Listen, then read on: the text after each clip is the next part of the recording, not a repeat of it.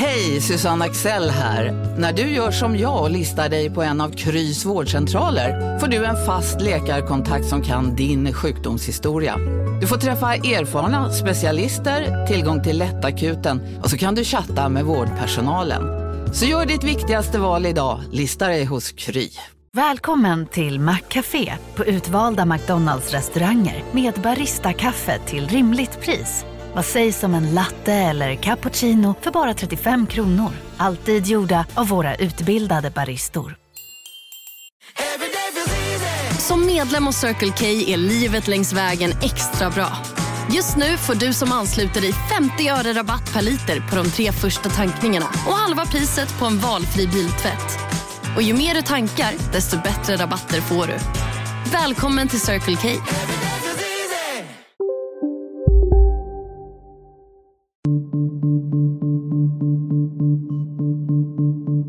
som centerpartist betraktad så är ju jag eh, nära nog inavlad. Alltså det, är ju, det är ju värre än vad du beskriver. Jag har ju Centerpartier åt alla håll i flera generationer mm. bakåt.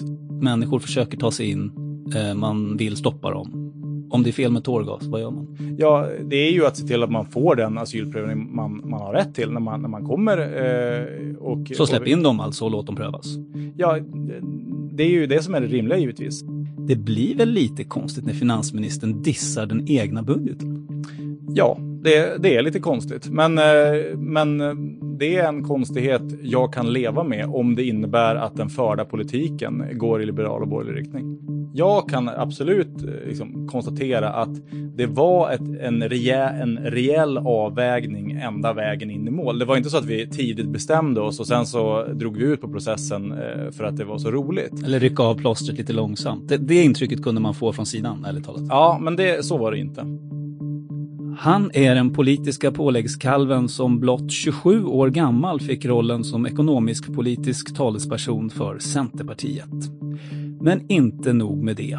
Han har utsetts till Sveriges sexigaste politiker, härstammar från det centerpartistiska hjärtelandet Maud Olofssons, Torbjörn Fälldins och Gunnar Hedlunds Västernorrland, där han också äger en stor gård i Sund strax utanför Örnsköldsvik. Allt är dock inte frid och fröjd för Emil Källström, eller åtminstone inte för Centerpartiet. Efter en rekordlång regeringsbildning valde partiet att samarbeta med Socialdemokraterna, ärkerivalen får man väl säga, alldeles särskilt i Västernorrland kanske. Och väljarna har knappast belönat partiet för detta heller. Opinionsstödet ligger still runt valresultatet och väljarförtroendet för partiledaren Annie Lööf är bland de lägre i riksdagen. Var Centerpartiet de som spräckte alliansen? Och vilken roll hade Källström i så fall i det? Emil Källström, välkommen till Fredagsintervjun. Tack så mycket. Lite tillspetsad sista formulering där, det medger jag. Men var det ni som dödade alliansen?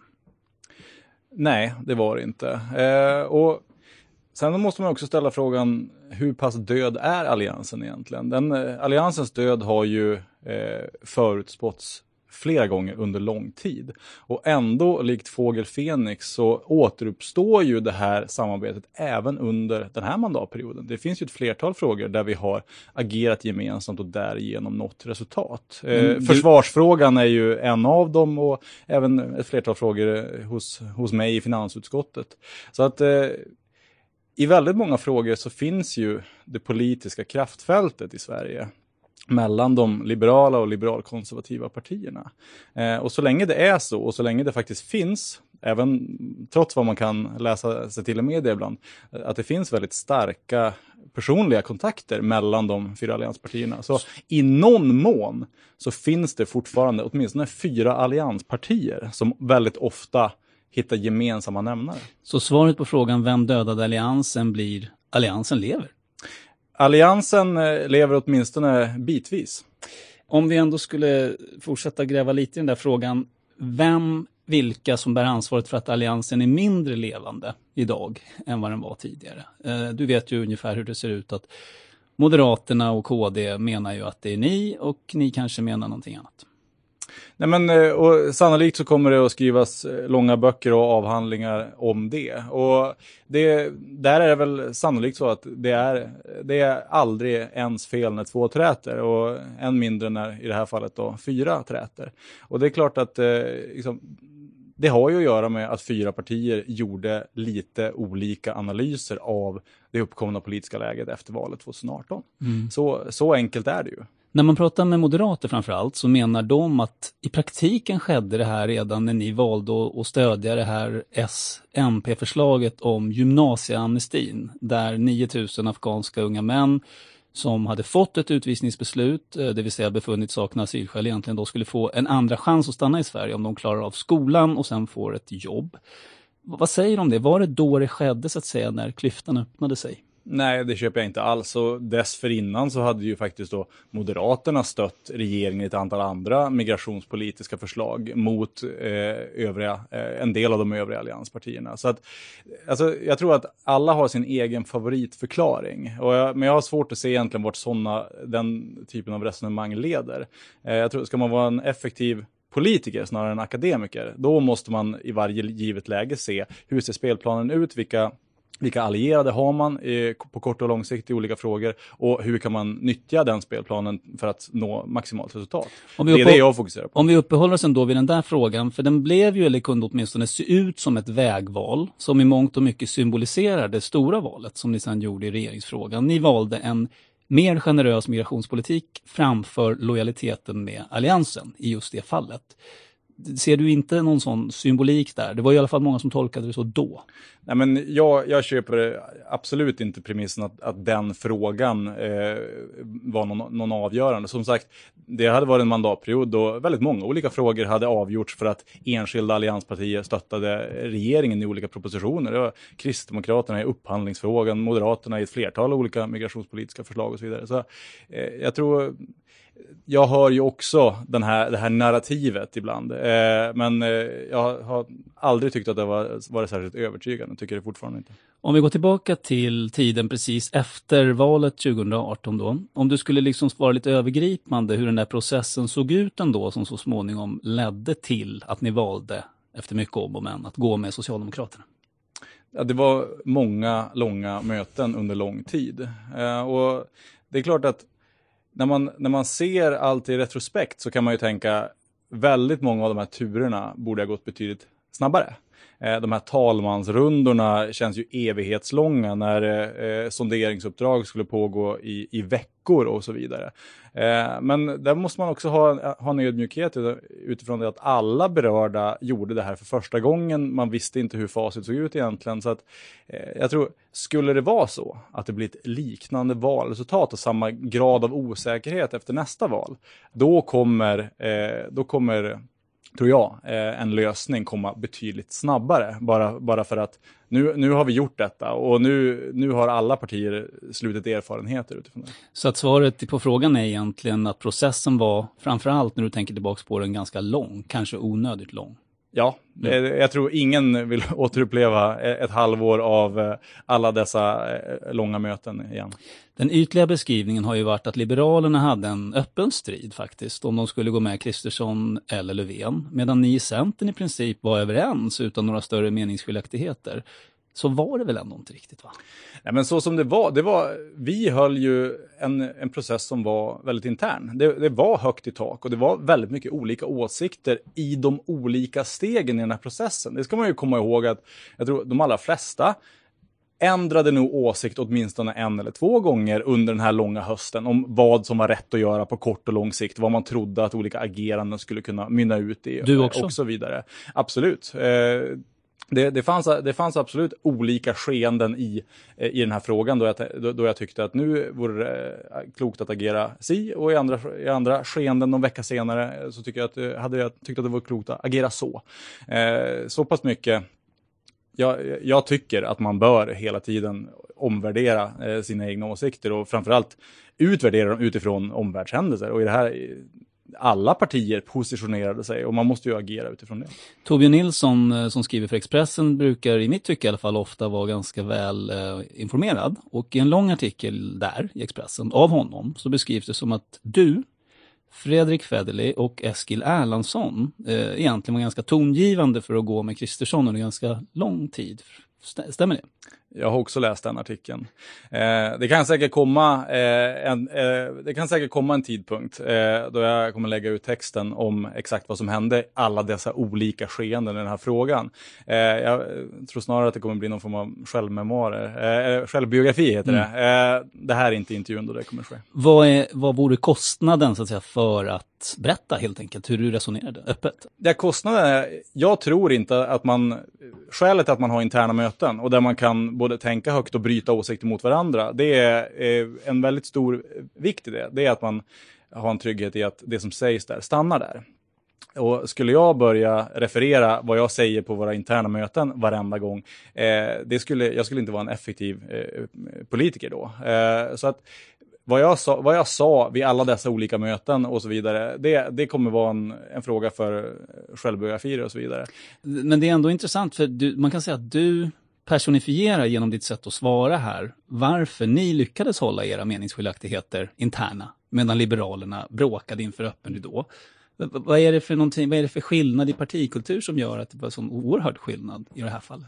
Nej, men vi, vi har ett sånt eh, kollektivistiskt drag som eh, har väldigt många goda, eh, väldigt många goda eh, aspekter. Alltså, vi är väldigt måna om varandra, vi är något av en familj i riksdagsgruppen och, och så vidare och kan vara väldigt öppna i väldigt många olika frågor, såväl politiska som, som personliga. Eh, och det är någonting jag, jag värnar. Eh, så jag kommer fortsätta vara i, i de här frågorna frågorna, i andra frågor så kommer jag vara väldigt tydlig internt med, med vad jag tycker och var jag står. Men när beslut är fattade, ja, men då måste det vara det som gäller. Och jag, jag tror att det är så man är en, ett effektivt politiskt parti. Mm. Jag tänkte vi ska ändå ta oss igenom också ljudmässigt de här turerna lite kort. Eh, ni gav ju in i en första förhandling med Socialdemokraterna i december 2018, det vill säga före jul. Den 10 december meddelade då Annie Lööf att det blir nej till Socialdemokraternas invit. Socialdemokraterna har inte mäktat med att möta oss i de liberala reformer som Sverige behöver. De försöker begrava ganska mycket i utredningar och skjuta konkreta besked på framtiden. Och i vissa fall så är beskeden direkt motsägelsefulla. Mm. Hur skulle du säga att stämningen såg ut efter det här beskedet? Alltså utifrån var det lätt att bara tolka det som matthandel, det vill säga att Socialdemokraterna egentligen behövde Centern mer än vad ni behövde dem och att ni ville krama ur Max ur förhandlingspositionen. Men hur var det inifrån? Alltså var ni uppriktigt tveksamma i det här läget? Ja, men alla besked som gavs under den, den där hösten, de, de var genuina. Eh, vi förde en diskussion, landade i en slutsats och sen så var det det som kommunicerades. Så att allt Annie säger där, det, det stämde och det, var, och det var precis vad som man precis hade kommit överens om i partistyrelse och riksdagsgrupp. Vi diskuterade oss fram ja, till de olika Det kan linjerna. stämma, det är inte så jag menar att hon skulle fara med osanning på något sätt, utan mer att var dörren på riktigt fortfarande öppen till Ulf Kristersson i det läget, före jul? Ja, Ja, det skulle jag säga. Eh, det skulle jag säga. Det, där var det ju ett, i ett läge där eh, Socialdemokraterna helt uppenbart inte eh, hade mött upp våra, våra krav på liberala borgerliga reformer. Eh, då, då sades det nej. Sen så var det ju ganska snabbt efter det där beskedet så, så kom det ju trevare från socialdemokratin demokratin igen. Att man ville liksom få en ny chans att, eh, att eh, förhandla. Skälet till att jag frågar är egentligen att problemet som ni stod inför om ni skulle gå med Kristersson, det var ju er stora djupa olust inför att liksom beblanda er med Sverigedemokraterna. Och det fanns det ju ingen väg runt. Så hur kunde dörren då vara öppen till Kristersson? Eh, för då skulle ni behövt förhandla om det, så att säga. Och det verkade ju omöjligt.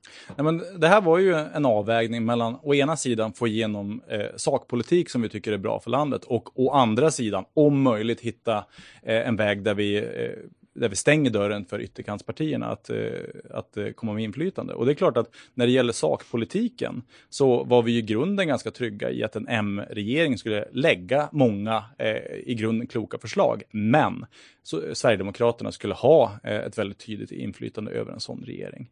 Eh, när, det gällde, eh, när det gällde S-alternativet så var ju frågetecknet, kan en sån regering och en sån konstellation leverera så pass mycket klok sakpolitik som möjligt? Här fanns det ju en, en tydlig avvägning där båda där båda alternativen hade såväl för som nackdelar. Men det låter enklare att idka matthandel med S i det fallet än vad det gör med M. För att hur matthandlar man kring Sverigedemokraternas inflytande? På något sätt så var det ju en realitet, tänker jag.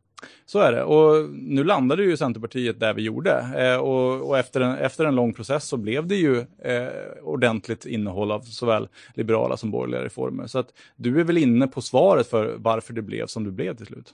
För det skälet till att jag grottar lite i det här, det är att det kom ju till en andra förhandling efter julhelgerna. I medierna beskrevs det som att det fördes två parallella förhandlingar egentligen. En inom den gamla alliansen då, med alternativet Kristersson, och en mellan L, C, S och MP. Och den här andra alliansförhandlingen, det jag ifrågasätter är, var den på allvar? Då? Ja, det är klart att samtalen var på allvar. Men vad fanns det att förhandla om, tänker jag? Nej, men det, det handlade ju i väldigt hög utsträckning om att liksom utröna hur ser, hur ser alternativen ut på riktigt? Hur, eh, allt det som M och KD sa under den här hösten, att eh, SD skulle inte få något inflytande överhuvudtaget i princip. Det skulle inte ske några kontakter. Hur skulle det se ut? Hur försäkrar vi oss om det? Och i det, i det, i det andra scenariot, vad, vad är det för eh, konkret klok politik vi kan få igenom eh, un, under en eh, regering ledd av Stefan mm. Löfven? Det andra alternativet är ju lättare att förhålla sig till, för det blev ju dessutom verklighet. Men det här första då, eller vad vi ska kalla det, snarare andra kanske. Um, kom det några kreativa idéer då på hur man skulle kunna försäkra er om att Sverigedemokraterna inte skulle få inflytande? Ja, kreativa idéer, det, det, det, det, skrevs ju fram, det fördes samtal, skrevs fram papper som skulle ligga till grund för och så vidare. Men även här är vi inne på saker som, tänker jag, snarare en fråga för, för framtida böcker och akademiska mm. avhandlingar. Mm. Eh, jag försöker bara utreda liksom vad, vad, vad det var vi som stod på läktaren egentligen såg där. Ulf Kristersson... Han... Sen, sen, får du faktiskt ha respekt för att när jag sitter och tänker tillbaka på det här som hände för ett och ett halvt år sedan så minnet börjar, jag måste nästan, för att svara på vissa av dina frågor rakt av så måste jag nästan gå tillbaka till mina anteckningar. För jag förstår det. Minnet börjar eh, bli lite gråare, exakt vad som hände, exakt vilken dag, exakt vilket skede. Ulf Kristersson verkade ju nämligen tro det, var, det kändes som han trodde att det var på riktigt. Bara dagar före ni gick ut och meddelade att ni skulle samarbeta med Socialdemokraterna så lät det så här från honom. Jag kan bekräfta att eh, de här samtalen har både handlat om den politiska inriktningen för en regering som jag eh, skulle vilja leda, men också formerna för en sån regerings parlamentariska arbete. Jag tänker inte säga mer om detaljerna om detta. Om jag minns det rätt så såg han dessutom ganska pillemarisk och rätt hoppfull ut. Det är ju en subjektiv tolkning naturligtvis från mig, men Ja, hade han anledning att vara det? Alltså fanns det någon diskussion där som kändes att ja, vi kanske kan komma i mål här? Nej men, eh, jag, ska, jag vill också att det finns en viss respekt i det här samtalet för att väldigt många av de här liksom, faktiska samtalen och så vidare var jag inte en del av. Jag, det är många rum jag inte var med i.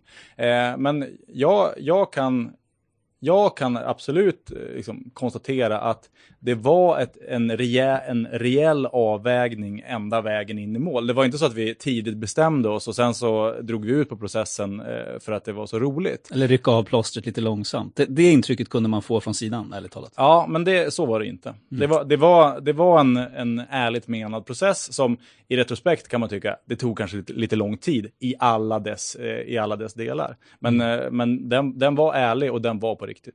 Hur ser relationerna ut nu då mellan ditt parti parti å ena sidan och M framförallt, men även KD å den andra?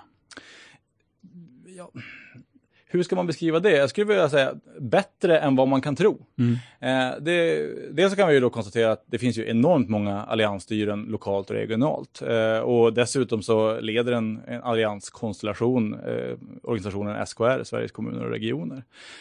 Och, och, även i rikspolitiken, som jag var inne på tidigare, i ett flertal frågor så har ju den faktiska förda politiken, den har ju grundats i vad de forna allianspartierna eh, har kommit överens om. Eh, inte minst i försvarsfrågan. Hade det inte funnits en väldigt tydlig allianslinje där så hade vi inte sett de enorm, historiska tillskott som, som det se, sedan blev. Eh, så att, eh, och, och, och, det här, och, detta återkommer i smått och stort i, i väldigt många av, de, av riksdagsutskotten. Att eh, det finns fortfarande väldigt mycket goda relationer. Och återigen, kraft, det, det, centrala kraftfältet i, i svensk politik eh, finns i mångt och mycket i skärningspunkten mellan liberala och liberalkonservativa partier.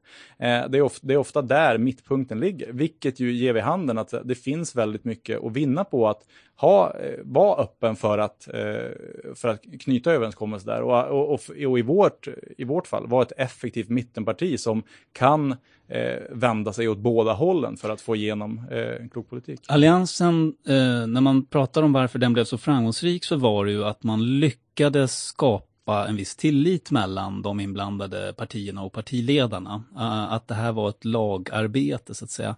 Finns det ändå risk för att ni då, om jag lägger skulden på er här för resonemangets skull, har, har liksom ödelagt möjligheterna för en borgerlig regering för lång tid framåt?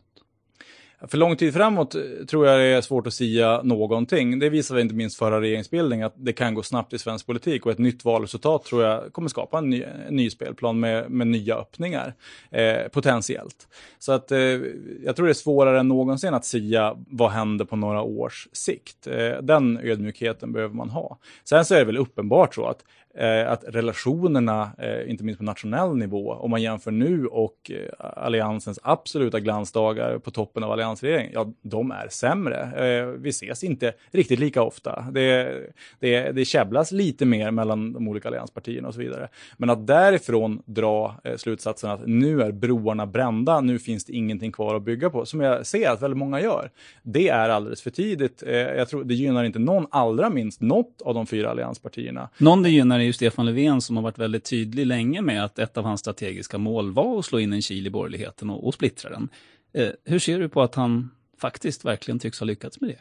Ja, det, det, är, det är klart att eh, han, han, talade om detta under lång tid. Sen är det ju frågan hur pass nöjd han är. Eh, Socialdemokraterna, de, de jag träffar, eh, är ju inte liksom, super happy happy över läget i svensk politik, över den eh, politik man tvingas genomföra eller eh, Socialdemokraternas läge i, i, svensk politik. Så att det, i den mån de ser detta som en seger så eh, tror jag de inser mer och mer att det var en väldigt dyrköpt sådan. Då är vi automatiskt eh, inne på januariavtalet. Eh, det ni enades om var det här så kallade 73-punktsprogrammet. Oppositionen kritiserar ju ofta det eh, för att regeringsunderlaget inte egentligen arbetar mot något gemensamt mål, att ni inte riktigt vill samma sak egentligen. Ja, hur ser du på det problemet? Ja, jag, tror att, jag tror att den kritiken kan ha viss fog, men frågan är om man ska se det som ett problem. Eh, jag menar, vår ambition var ju aldrig att Eh, att i och med januariavtalet skapa en gemensam världsbild, en gemensam eh, grogrund för politiken med, med, Socialdemokraterna och Miljöpartiet, utan det var ju att på ett antal punkter eh, få igenom eh, en politik vi tror är, är, klok och dessutom skapa en möjlighet att i och med eh, årsvisa budgetförhandlingar eh, genomföra ytterligare eh, klok politik.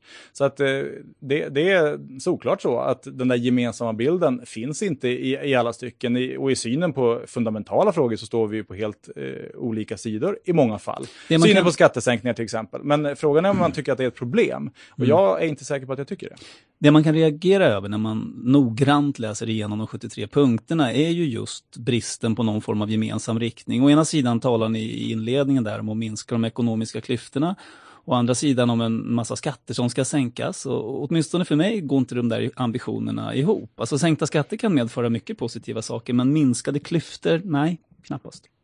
Vad tänker du? Nej, men jag tänker att det finns absolut exempel på skattesänkningar som leder till minskade klyftor. Man kan, man, kan, man kan sänka skatten på, för människor med låga inkomster. Man kan sänka skatten på ett sätt att det skapas nya jobb som gör att människor som idag har mycket låga bidragsinkomster får arbetsinkomster. Det är ett sätt för all del, men det är inte det ni gör, eller planerar att göra, vad jag har sett i alla fall. Värnskatten till exempel är inte riktigt, har inte riktigt den profilen. Ja, nu ska man ju säga att en, en av de skattesänkningar som verkligen hade potential att göra detta, ingångsavdraget, har ju då precis stoppats. Men mm. det är ju inte januariavtalets fel, utan det är fyra oppositionspartier som slog sina påsar ihop.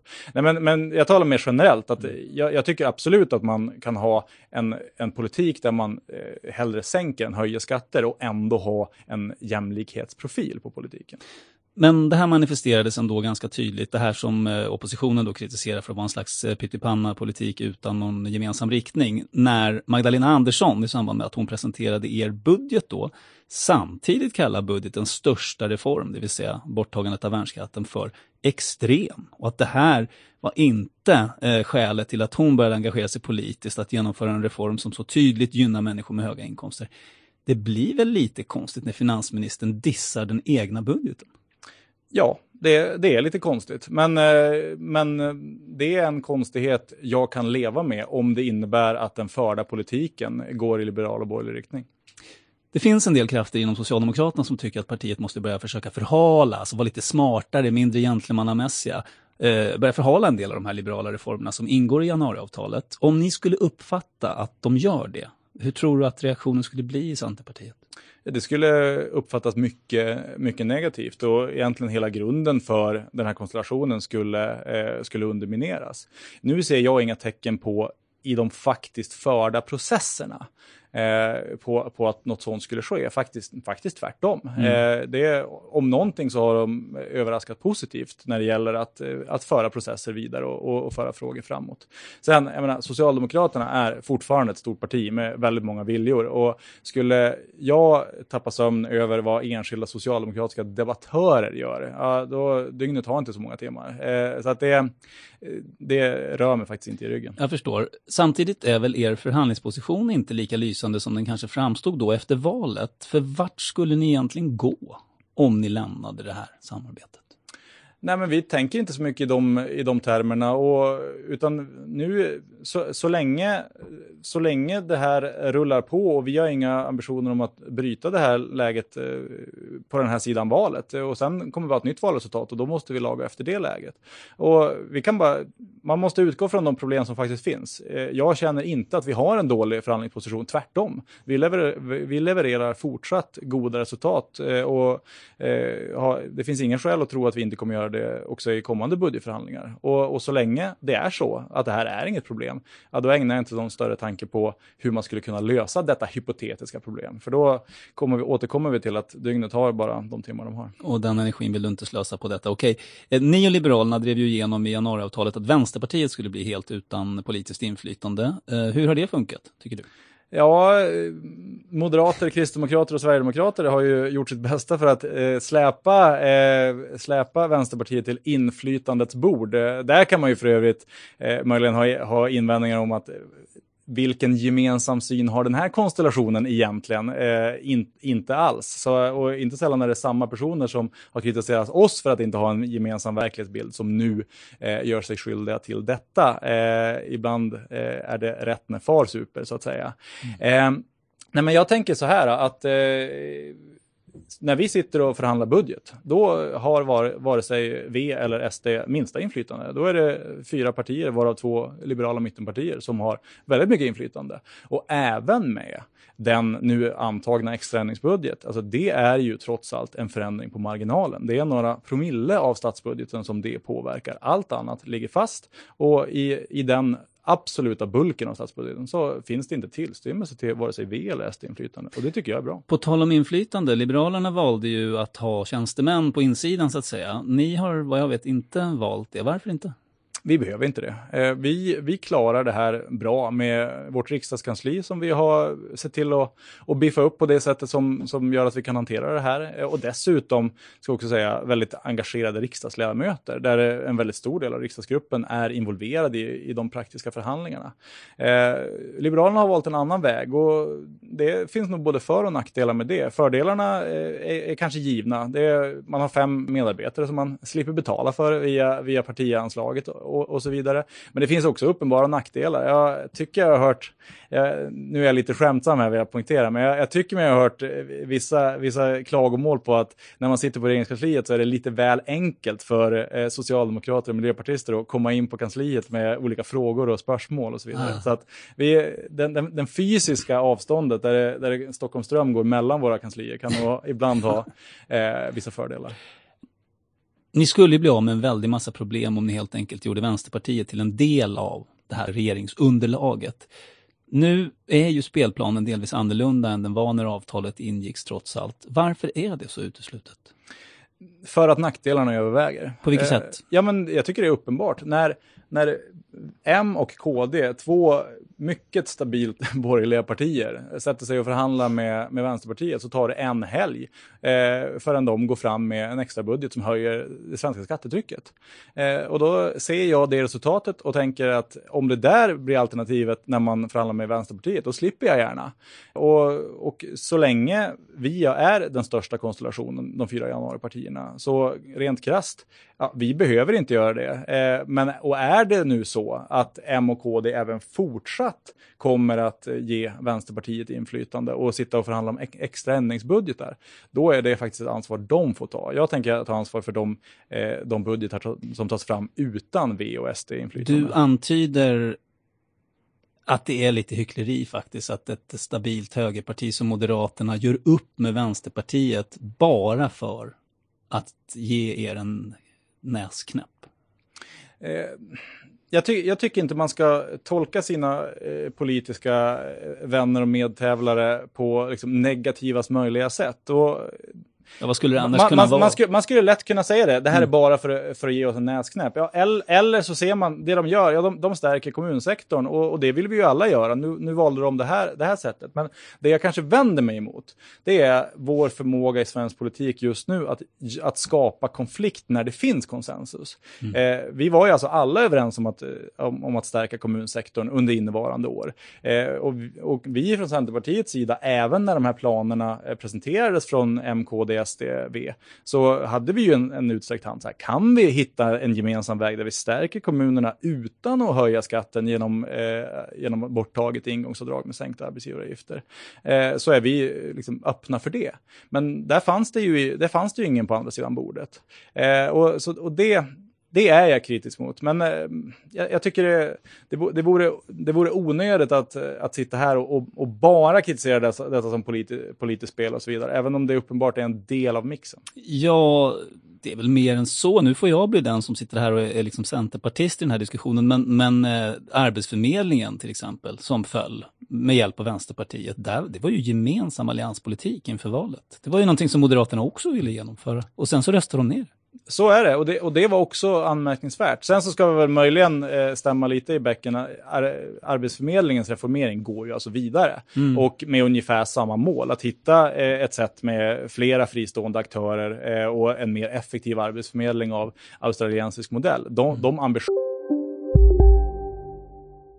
Big Mac har miljarder fans över hela världen. Under mer än 50 år har den skapat popkulturell historia. En legend med 100% nötkött och den mytomspunna såsen. Nu finns Big Mac för bara 39 kronor på McDonalds. Okej hörni, gänget! Vad är vårt motto? Nej, allt är inte alltid som du tror. Nu täcker vårt nät 99,3 procent av Sveriges befolkning baserat på röstteckning och folkbokföringsadress. Ta reda på mer på 3.se eller i din 3-butik. Hej, Synoptik här. Livet med glasögon ska vara bekymmersfritt. Därför får du 30% på alla glasögon när du väljer Synoptik All Inclusive. All service ingår alltid. Välkommen till Synoptik. Finns ju alltså kvar. Och vi kommer landa detta i en reformering som är väldigt lik det vi var överens om i, i, i allianskontext inför valet 2018. Så visst, då, även i den frågan agerade M och KD med V, men den frågan är ju inte död. Tvärtom, processen lever vidare i högsta välmåga. Men är du inte lite väl noblesse oblige här? Eh, Kristersson har väl mer eller mindre sagt rakt ut att syftet är att visa att den här regeringen eh, inte kan regera. Det är därför de gör detta. Ja, och eh, om, om, de nu, om de nu säger det får väl det stå för dem. Alltså, jag, är, jag är egentligen ganska ointresserad av att ständigt med dessa små nålstick höja konfliktnivån i svensk politik. Jag ser inte vad det leder till. Eh, jag, kan, jag kan konstatera några saker. När det gäller Arbetsförmedlingen, basen ligger fast, den reformeringen kommer genomföras, det är bra. Och nu har vi dessutom ännu bredare parlamentariskt stöd, det är också bra. Eh, när det, gäller, när det gäller den extra ändringsbudgeten, ja det är både dåligt och förvånande att M och KD går Vänsterpartiets intressen, höjer skatten eh, på svenska företag.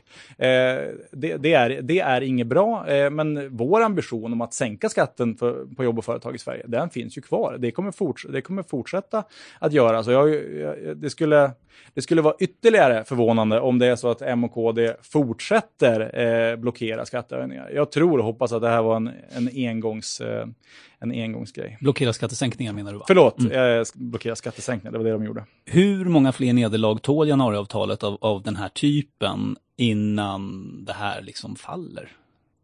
Nej, men eh, januariavtalet är ju, det är ju den bas vi jobbar utifrån. Eh, och ett flertal av de saker som vi genomför, som vi tycker eh, är stora segrar den här mandatperioden, ja, det är ju inte inskrivet i, i januariavtalet. Jag, jag har talat om försvaret tidigare, jag har talat om skattesänkningar för människor på landsbygden, eh, på miljösidan och när det gäller trygghet, satsningar på polisen och ytterligare befogenheter. Ett flertal av de saker som vi tycker är bra och vi har varit pådrivande att genomföra står ju ju inte med i januariavtalet. Så januari, januariavtalet som bas kommer fortsätta. De, de politiska processerna kommer löpa vidare. Ibland, som i Arbetsförmedlingen och ingångsavdragen, så dyker det upp oväntade hinder med oväntade eh, parlamentariska eh, majoriteter emot och så vidare. Då får man hitta en annan väg framåt. Det låter som ni, den, den här konstruktionen i din bok tål ganska mycket stryk eh, egentligen. Nej, men, eh, så, så länge eh, de långsiktiga målsättningarna eh, löper vidare så tycker jag att det är så man ska, man ska arbeta. Och vilka är de då, de långsiktiga målsättningarna? Ja, det, ja, det, ja det, de är ju olika i de olika punkterna i okay. JA. Ja, och, och sen så har vi ju givetvis andra målsättningar, men det handlar ju om helhetsbilden, vart man vill ta samhället. Och det här tror jag ibland så måste man göra eh, dygd av nödvändighet. Och ska man vara ett effektivt politiskt parti i ett ganska fragmentiserat politiskt landskap som inte ser ut att eh, försvinna någonstans under överskådlig tid, ja, men då måste man vara lite snabbfotad när det, när det dyker upp oväntade hinder och hitta andra vägar fram. Men jag är ganska trygg i att när en dörr stängs så öppnas en annan. Men när du säger hur vi vill utveckla samhället, då, då menar du Centerpartiet, ja. inte januarigänget så att säga? Ja, jag menar Centerpartiet. Ja. Ett annat problem att regera med ett sånt här avtal som grund är väl själva flexibiliteten, tänker jag. De flesta statsministrar, när man läser deras eh, memoarer, eh, så brukar de berätta att de fick syssla med helt andra saker än vad de hade planerat för eftersom de måste anpassa sig efter en föränderlig omvärld. Finanskrisen är ett exempel, migrationskrisen ett annat. Hur väl anpassat är en sån här konstruktion för att en regering snabbt ska kunna reagera på att omvärlden faktiskt förändras? Nej, men, eh, jag ser egentligen inga hinder. På, eh, som, jag, jag ser inga hinder i form av januariavtalet på regeringens eller januarikonstellationens eh, möjlighet att, att agera snabbt. Eh, det kunde vi se bara nu i veckan när vi, när vi berättar att vi kommer genomföra förslaget om korttidsarbete. Det är ju faktiskt en del av januariavtalet, måste jag rätta mig själv mm. och säga. Men alltså, vi har ju en förmåga att, att agera snabbt. Och nu är det, tror jag, fjärde gången jag återkommer till försvarssatsningarna. Mm. De finns inte med där. Men det, var, det är uppenbart att landet behöver en förstärkning här och det är också uppenbart att det fanns ett brett parlamentariskt stöd. Då såg vi och L eh, till att inom ramen för januarisamarbetet eh, se till att de blir verklighet. Men ponera, alltså, jag vill egentligen veta hur överenskommelsen ser ut mellan regeringen och er vad gäller just flexibiliteten i det här avtalet. Låt säga att vi skulle få en stor ekonomisk kris. Eh, står de här punkterna skrivna i sten ändå? Även om en del av dem kanske bedöms kunna fördjupa krisen? Vilka punkter ja, men, bedömer du skulle ja, men vi, krisen? Ja, det skulle ju kunna till exempel vara skattesänkningar. Eh, om man tycker om det är en riktigt djup ekonomisk kris och man kanske snarare behöver få in mer pengar kortsiktigt. Ja, nu har ju Sverige väldigt starka statsfinanser och väldigt låg statsskuld. Så är det så att vi, vi skulle se en, en oväntat snabb ekonomisk kris så är det ju faktiskt snarare eh, ett beting om, eh, om att stimulera ekonomin. Och där är mm. ju kloka skattesänkningar ett ganska bra sätt. Vi behöver egentligen det. inte snöa in på detaljer utan mer på principen. Om någonting dyker upp, jag vet inte vad det skulle kunna vara? Oväntad kris. Är de här punkterna skrivna i sten eller sätter ni ner då och förhandlar om dem snabbt som attan om det ja, behövs? Men, och, och det här är ju i grunden en väldigt hypotetisk fråga. Men, men, men, och, och det är klart att skulle det är väldigt svårt att svara, svara på enormt hypotetiska frågor. Men du ser inget sånt scenario egentligen som trovärdigt? Att, för en regering måste ju ibland agera snabbt. Och självklart är det så. Men eh, inom, inom ramen för liksom, de troliga scenarion jag ser mellan nu och valet 2022, mm. så nej, jag ser, jag ser egentligen ingen händelse där, där steg ett blir att sätta sig och omförhandla januariavtalet, utan då tror jag snarare att steg ett är att sätta sig och hantera just den situationen. Okej. Okay. Om vi skulle avsluta det här segmentet om januariavtalet med en bredare fråga. Eh, en förhandling innebär ju både att ge och ta. Vad tycker du framför allt att ni i Centern eh, har fått ut av det här och vad tycker du framförallt att det kostar er? Eh, sakpolitiskt så finns det här ett antal frågor när det gäller på skattesidan. Det här, det här är i mångt och mycket skattesänkaravtal. Det är bra i högskattelandet Sverige. Eh, det finns ett antal frågor som är liksom, till synes små, men som vi ser viktiga när det gäller att, eh, att skapa ett, ett, regelverk för att eh, bo, leva och inte minst driva företag eh, runt om i landet. Där, eh, frågor där vi har sett under lång tid att här måste vi få en rimligare, eh, rimligare bedömning när det gäller eh, investeringar och, och investeringar i fastigheter till exempel, när det gäller gårdförsäljning, när det gäller strandskydd och så vidare. Varje enskild av de eh, frågorna kan te sig ganska liten, men totalt sett innebär det eh, ett, en lagstiftningsoffensiv som skulle göra Sverige till ett eh, rimligare och, och mer företagsamt Så det är vad ni det får? Det viktigaste ni ja, får? bland annat. Och vad, kost, vad är den största kostnaden i din, enligt din bedömning? Nej, men det, ja, dels så är det ju såklart så att det fanns en prislapp i att uh, släppa fram Stefan Löfven som statsminister. Det ville vi ju helst inte. Mm. Eh, sen är, är, det också så att det finns ett antal punkter i den här som inte hade varit med på min uh, favoritlista eh, och, och, och, som fortfarande inte gör det. Alltså, jag tycker inte att det är en rätt prioritering uh, för Sverige att gå fram med det som tidigare hette familjevecka, nu är ett fåtal familjedagar. jag tycker det finns andra viktigare prioriteringar, men man måste också ha respekt respekt för att kompromisser sluter man i alla konstellationer och i alla lägen och då får man köpa dem. Om en prislapp var att släppa fram Stefan Löfven, hur tycker du att han klarar sig? Eh, vi är ju båda från Örnsköldsvik. Eh, jag, jag, vi handlar ibland på samma, samma Konsum. Eh, jag tycker att Stefan Löfven är en, en hygglig, bra person. Jag tycker att när hans ledarskap verkligen har testats, och då tänker jag terrorattentatet på Drottninggatan och så vidare, då har jag känt att han, han har lyft sig till, till den nivå man, eh, man kan förvänta av en svensk statsminister. Sen så är det väl uppenbart så att eh, det har varit ett flertal intervjuer där han säger mycket konstiga saker, skyller eh, några av de värsta eh, saker vi ser i det svenska samhället just nu med gängvåld och, och ungdomsbrottslighet, skyller det på skattesänkningar för tio år sedan. Det går ju mot både eh, sunt förnuft och eh, vad man kan förvänta sig av en statsminister. Så ja, det, är en, det är en delad bild. Det skulle du kunna säga på Konsum i Övik? Absolut. Om du det, träffar honom. Ja, nu, bra, nu pratar vi nog snarare om hur bra det går för modehockey ah. och så vidare. Men äh, skulle vi stå där väldigt länge vid kyldisken så kanske jag skulle komma in på de här frågorna. Jag tänkte prata lite om, om hur ert partis identitet har förändrats i och med allt som har hänt med inte minst den politiska spelplanen då. Eh, från att ha varit rätt enkel egentligen, arbete mot kapital och löntagare mot företagare, höginkomsttagare mot låginkomsttagare och så vidare, så är det ju något helt annat nu. Exempelvis kallas Centern ofta, har jag noterat, för vänster på Twitter till exempel. Trots att ni kanske är det mest högervridna partiet av alla när det gäller ekonomisk politik. Mm. Eh, hur, hur, ska man få ihop det där? Nej men det är ju ett, eh, inte minst för alla oss som uthärdar Twitter nära nog dagligen, så det är ju ett eh, mer svårbegripligt läge i den svenska politiken. Alltså det, det, det är nya perspektiv som jag, jag, personligen inte känner mig helt hemma i. Alltså, de som klumpar ihop i princip alla till höger om, eh, eller förlåt, till vänster om Moderaterna är liksom någon form av vänsterliberalism. Alltså, jag förstår på riktigt inte vad, vad man menar med det eh, och, och, tycker att det, liksom, det narrativet, eller den förklaringsmodellen av svensk politik har väldigt lite med, med verkligheten att göra.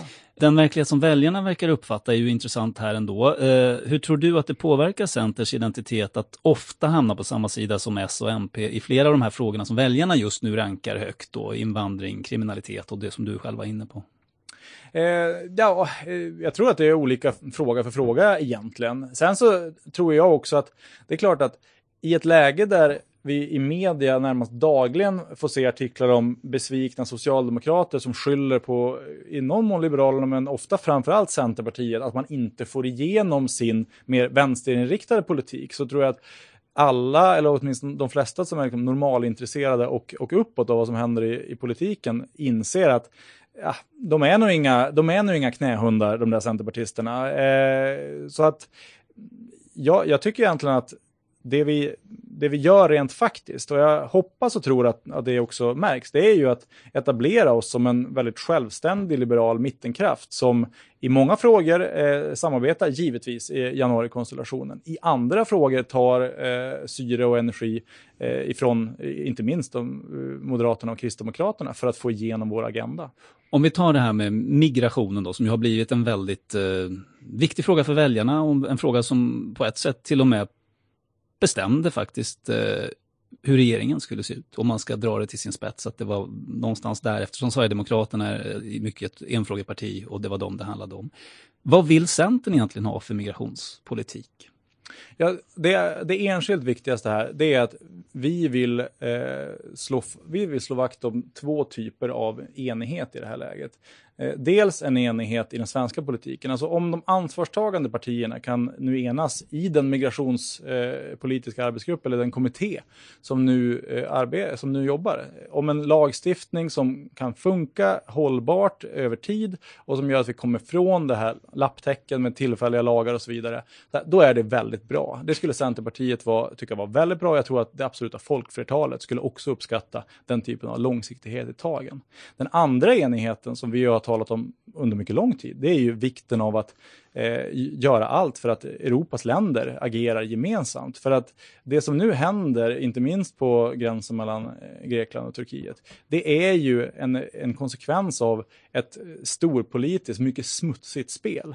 Eh, och, och där, där krafter gör allt för att splittra Europas länder. Eh, och då får vi inte låta det ske, utan vi behöver hitta gemensamma vägar för såväl vad som händer med EUs yttre gräns och som vad som händer eh, inom vår, eh, vårt område. Om vi tar just det som sker nu på gränsen mellan Turkiet och Grekland. Eh, man kan ju säga att EU agerar ganska eh, gemensamt med att till varje pris tycks det hålla den där gränsen. Då till och med skjuta tårgas mot, eh, mot migranter.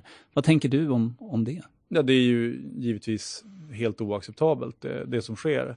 Eh, och, och, på det sätt eh, man behandlar människor från alla inblandade. Det handlar ju såväl om de gränsvakter som, som, med tårgas och, som använder tårgas och gummikulor mm. för, att, för att lösa sin uppgift. Men framför allt för de politiska ledare som eh, använder dessa människor som spelbrickor i ett helt annat. Men det är ju inte alldeles enkelt. Alltså vad skulle du gjort om du var grekisk premiärminister? För att eh, om de släpper gränsen så blir det ju lite okontrollerbart och dessutom som du själv var inne på, det är ju Erdogan från Turkiet som använder flyktingar som en, som en bricka i ett spel. Alltså vad skulle du gjort då?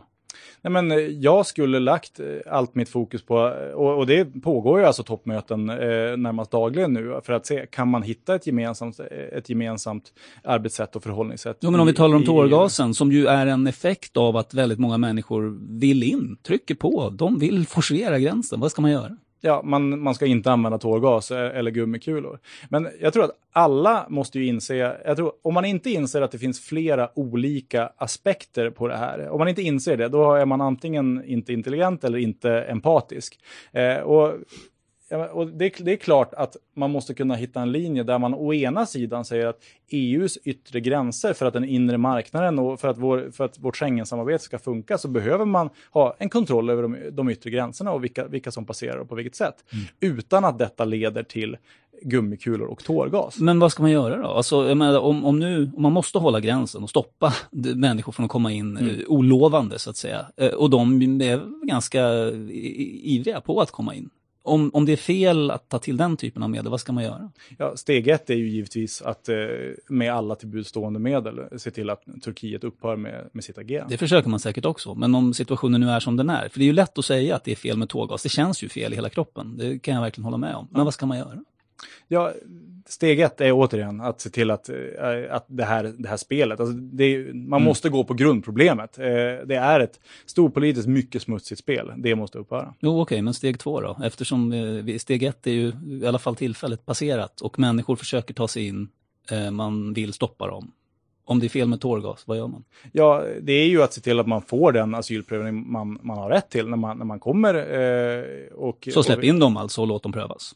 Ja, det är ju det som är det rimliga givetvis. Eh, vi måste ju stå upp för den asylrätt som är, som är förankrad i flertal internationella konventioner. Så droppa tårgasen och gummikulorna, släpp in så många som vill komma in då tills, tills det är färdigt, eller hur? Ja, alltså att, att stå upp för asylrätten och att inte använda tårgas och gummikulor är inte samma sak som fri invandring och, och totalt öppna dörrar. Det är ju inte så det funkar. Det är, det är inte så att det är de två enda tillbudstående Nej, men om vi tittar på situationen så som den ser ut nu, att Erdogan öppnar gränsen från turkisk sida och låter så många som vill passera in. Det är klart, ja, då blir väl konsekvensen att väldigt, väldigt många i alla fall skulle testa och söka asyl. Och då, då är det det du förordar i valet mellan två eh, onda ting, om man ska säga då. Ja då, då, måste dessa människor givetvis få, få en prövning, men denna prövning måste ju ske inom ramen för ett system där EU, eh, där EU har ett gemensamt förhållningssätt och där medlemsstaterna eh, tar det gemensamma mm. ansvaret. Vi kan inte ha en ordning där det är ett fåtal länder som tar hela det ansvaret. Nej, men EU har ju inte en sån ordning nu, så att säga. Så det, om du vore grekisk premiärminister så skulle du vara tvungen att räkna in det i kalkylen också, så att säga. Att, eh,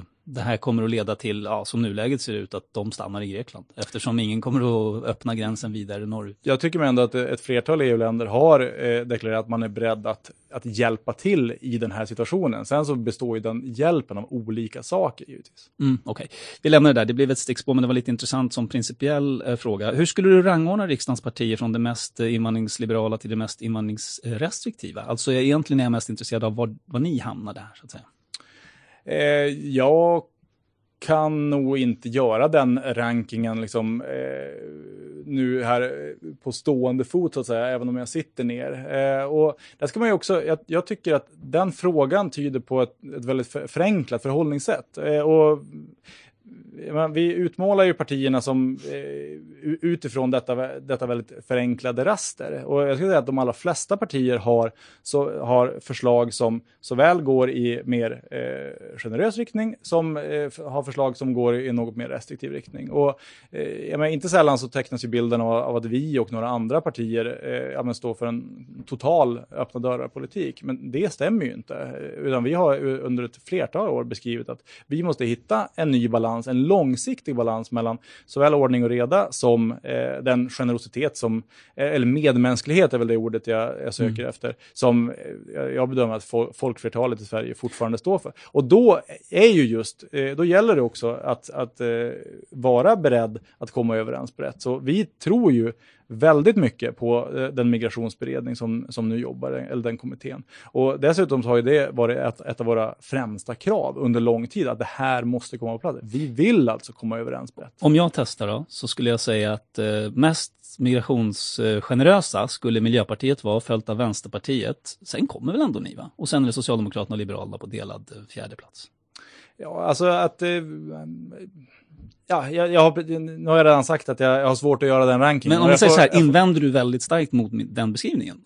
Eh, jag, jag, jag, har väl, jag, jag har svårt att kommentera den. Alltså mm. av, av, den anledning att ser, ser man till helheterna så, så, finns det olika aspekter på alla partiers eh, förslag på, på det här området. Eh, som, och det, menar, då måste man ju se såväl eh, de olika aspekterna av migrationspolitik men även integrationspolitiken där ju vi under lång tid har presenterat ett, ett antal förslag som, eh, som innebär till exempel att det, som idag är, eh, är bidrag skulle omarbetas till lån och, och så vidare. Ställer mer krav på människor? Ja, men, som, exakt, och, mm. de, och dessutom liksom, hur kan vi skapa ett långsiktigt hållbart regelverk regelverk där en, en hel del av de, eh, de förmåner som man åtnjuter i välfärdsstaten Sverige eh, är någonting som man kvalificerar sig till genom arbete till exempel. Och där, liksom, i just den frågan så ligger ju vi förhållandevis långt ut på ena kanten där vi har under lång tid presenterat ganska många sådana förslag. Men jag medger att det är en det, förenkling, ja, är det? Och jag, och jag vänder mig mot den förenklingen. Det är okej.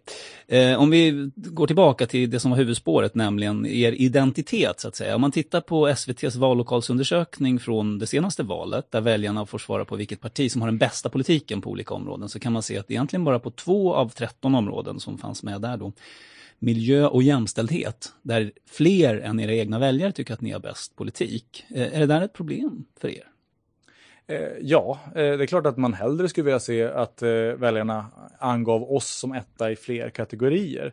Sen så tycker jag man ser positiva tecken där också, att vi, vi har breddat oss som parti och finns med, inte på första platsen, men vi finns med med ganska ordentliga staplar på fler områden. Vi har, vi har tvåsiffriga, alltså att, att 10% eller fler av den svenska befolkningen tycker att vi har bäst politik på ett flertal områden. Och så såg det inte ut för några år sedan. Så att vi håller ju på och vi genomgår ju en resa där vi har sett som ja, ursprungligen ett rent enfrågeparti till att kunna hantera ett fåtal frågor, framförallt småföretag, miljö och landsbygd, till att vi nu faktiskt är en naturlig samtalspart och ett parti som ses som att man kan ta ansvar på, eh, på många frågor. Eh, och det handlar allt från rättsväsendet till skola till eh, vad, vad det nu skulle kunna vara. Ett bredare parti? Alltså, ja, och det, och, det tror jag, och det tror jag i grunden är både bra och, och viktigt om man, om man har ambitionen att vara ett, ett effektivt eh, och resultatorienterat liberalt mittenparti parti?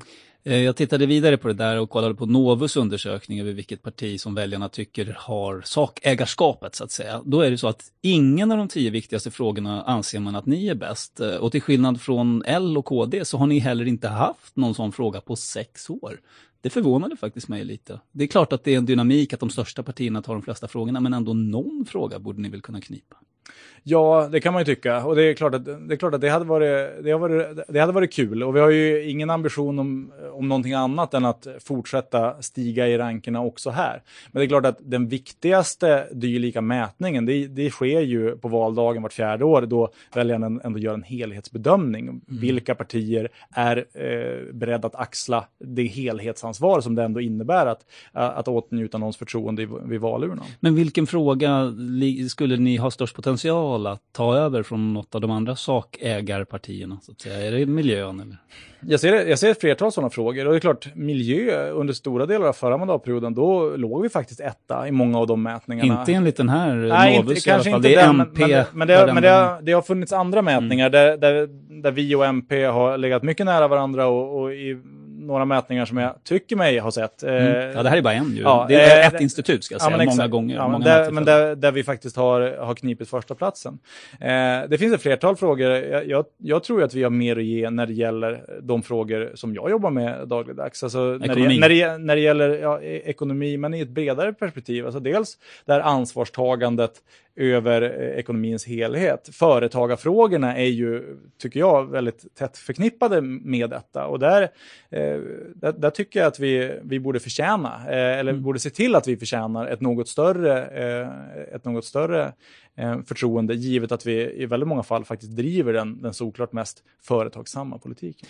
När det gäller partiledarens förtroende så ligger Annie Lööf på nedre halvan med 21 procent. Jonas Sjöstedt har allra högst förtroende av alla med 40 procent. Hur ska man förklara det? Ja, framförallt det första då, att Annie Lööf, som ändå är ett starkt varumärke, eh, inte har större förtroende än så jag tror att eh, de där siffrorna kommer snyggas till ordentligt. Nu har ju faktiskt Annie varit borta ur den politiska hetluften ett tag som, som föräldraledig. Mm. Eh, och eh, Annie har väldigt mycket att ge och framförallt så har hon väldigt starkt stöd bland centerväljare och centernära, alltså våra närstående väljare. Mm. Så att eh, bland, de, bland de, de, riktigt relevanta grupperna så ser det ju eh, riktigt bra ut. Och jag tror dessutom, som, som du säger, eh, det är en av våra mest välkända partiledare. Det är väldigt många som har, en, eh, som har under lång tid byggt upp en, en relation med henne. Så hon har, eh, hon har väldigt, eh, jag tror en väldigt eh, lång eh, partiledarkarriär framför sig med väldigt fina sådana siffror.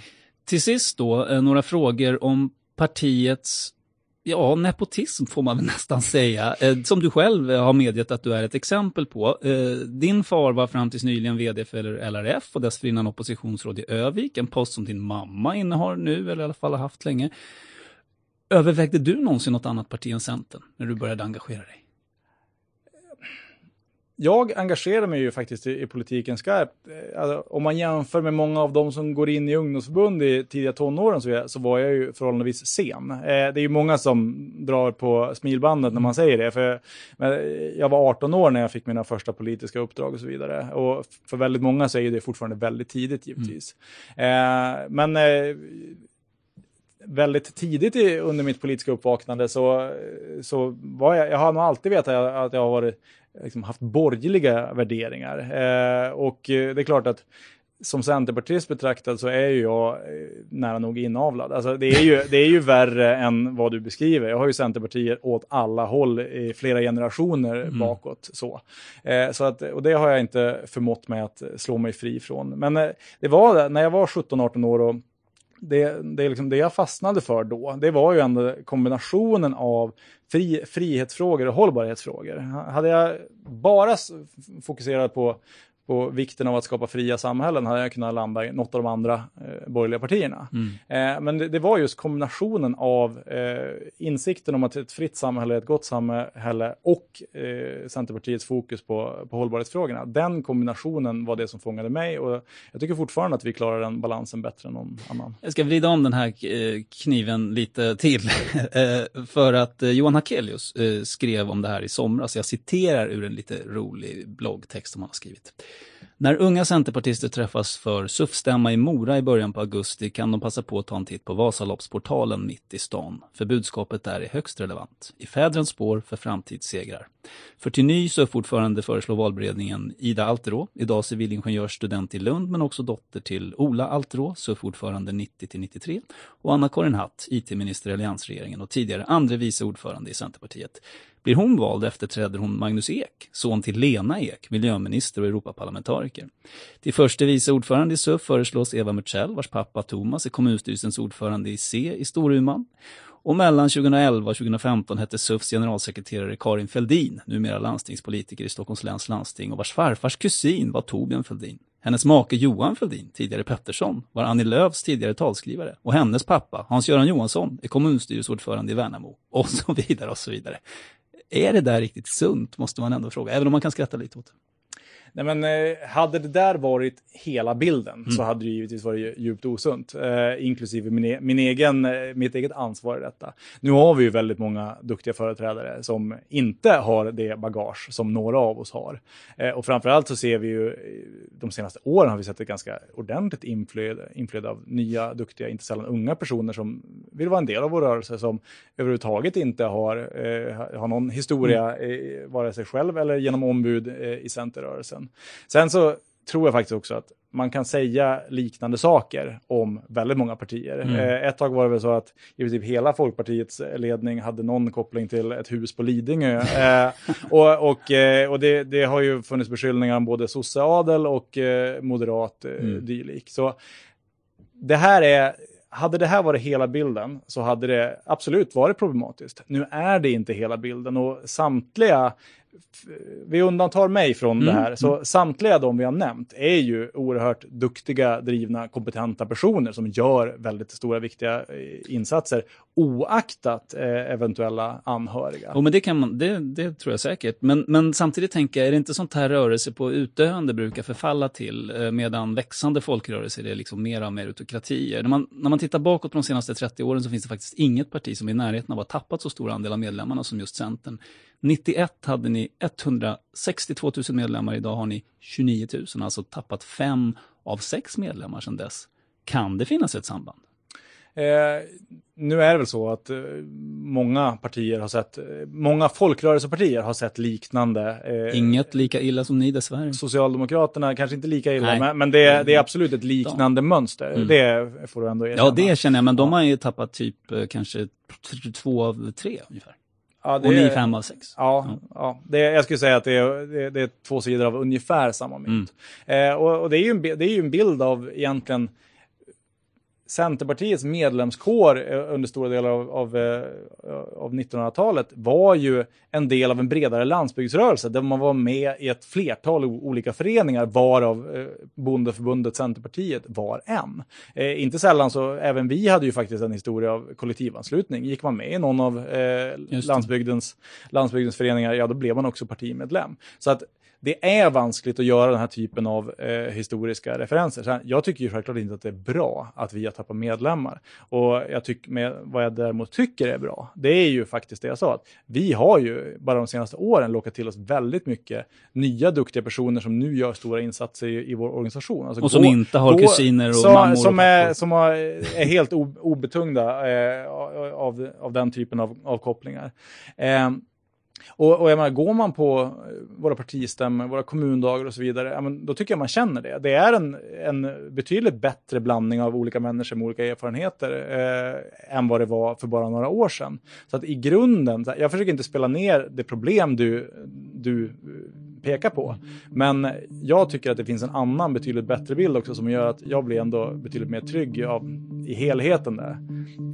Emil Källström, stort tack. Det var ett nöje att ha dig som gäst i fredagsintervju. Tack så mycket för att jag fick komma. Ekonomisk politisk talesperson för Centerpartiet.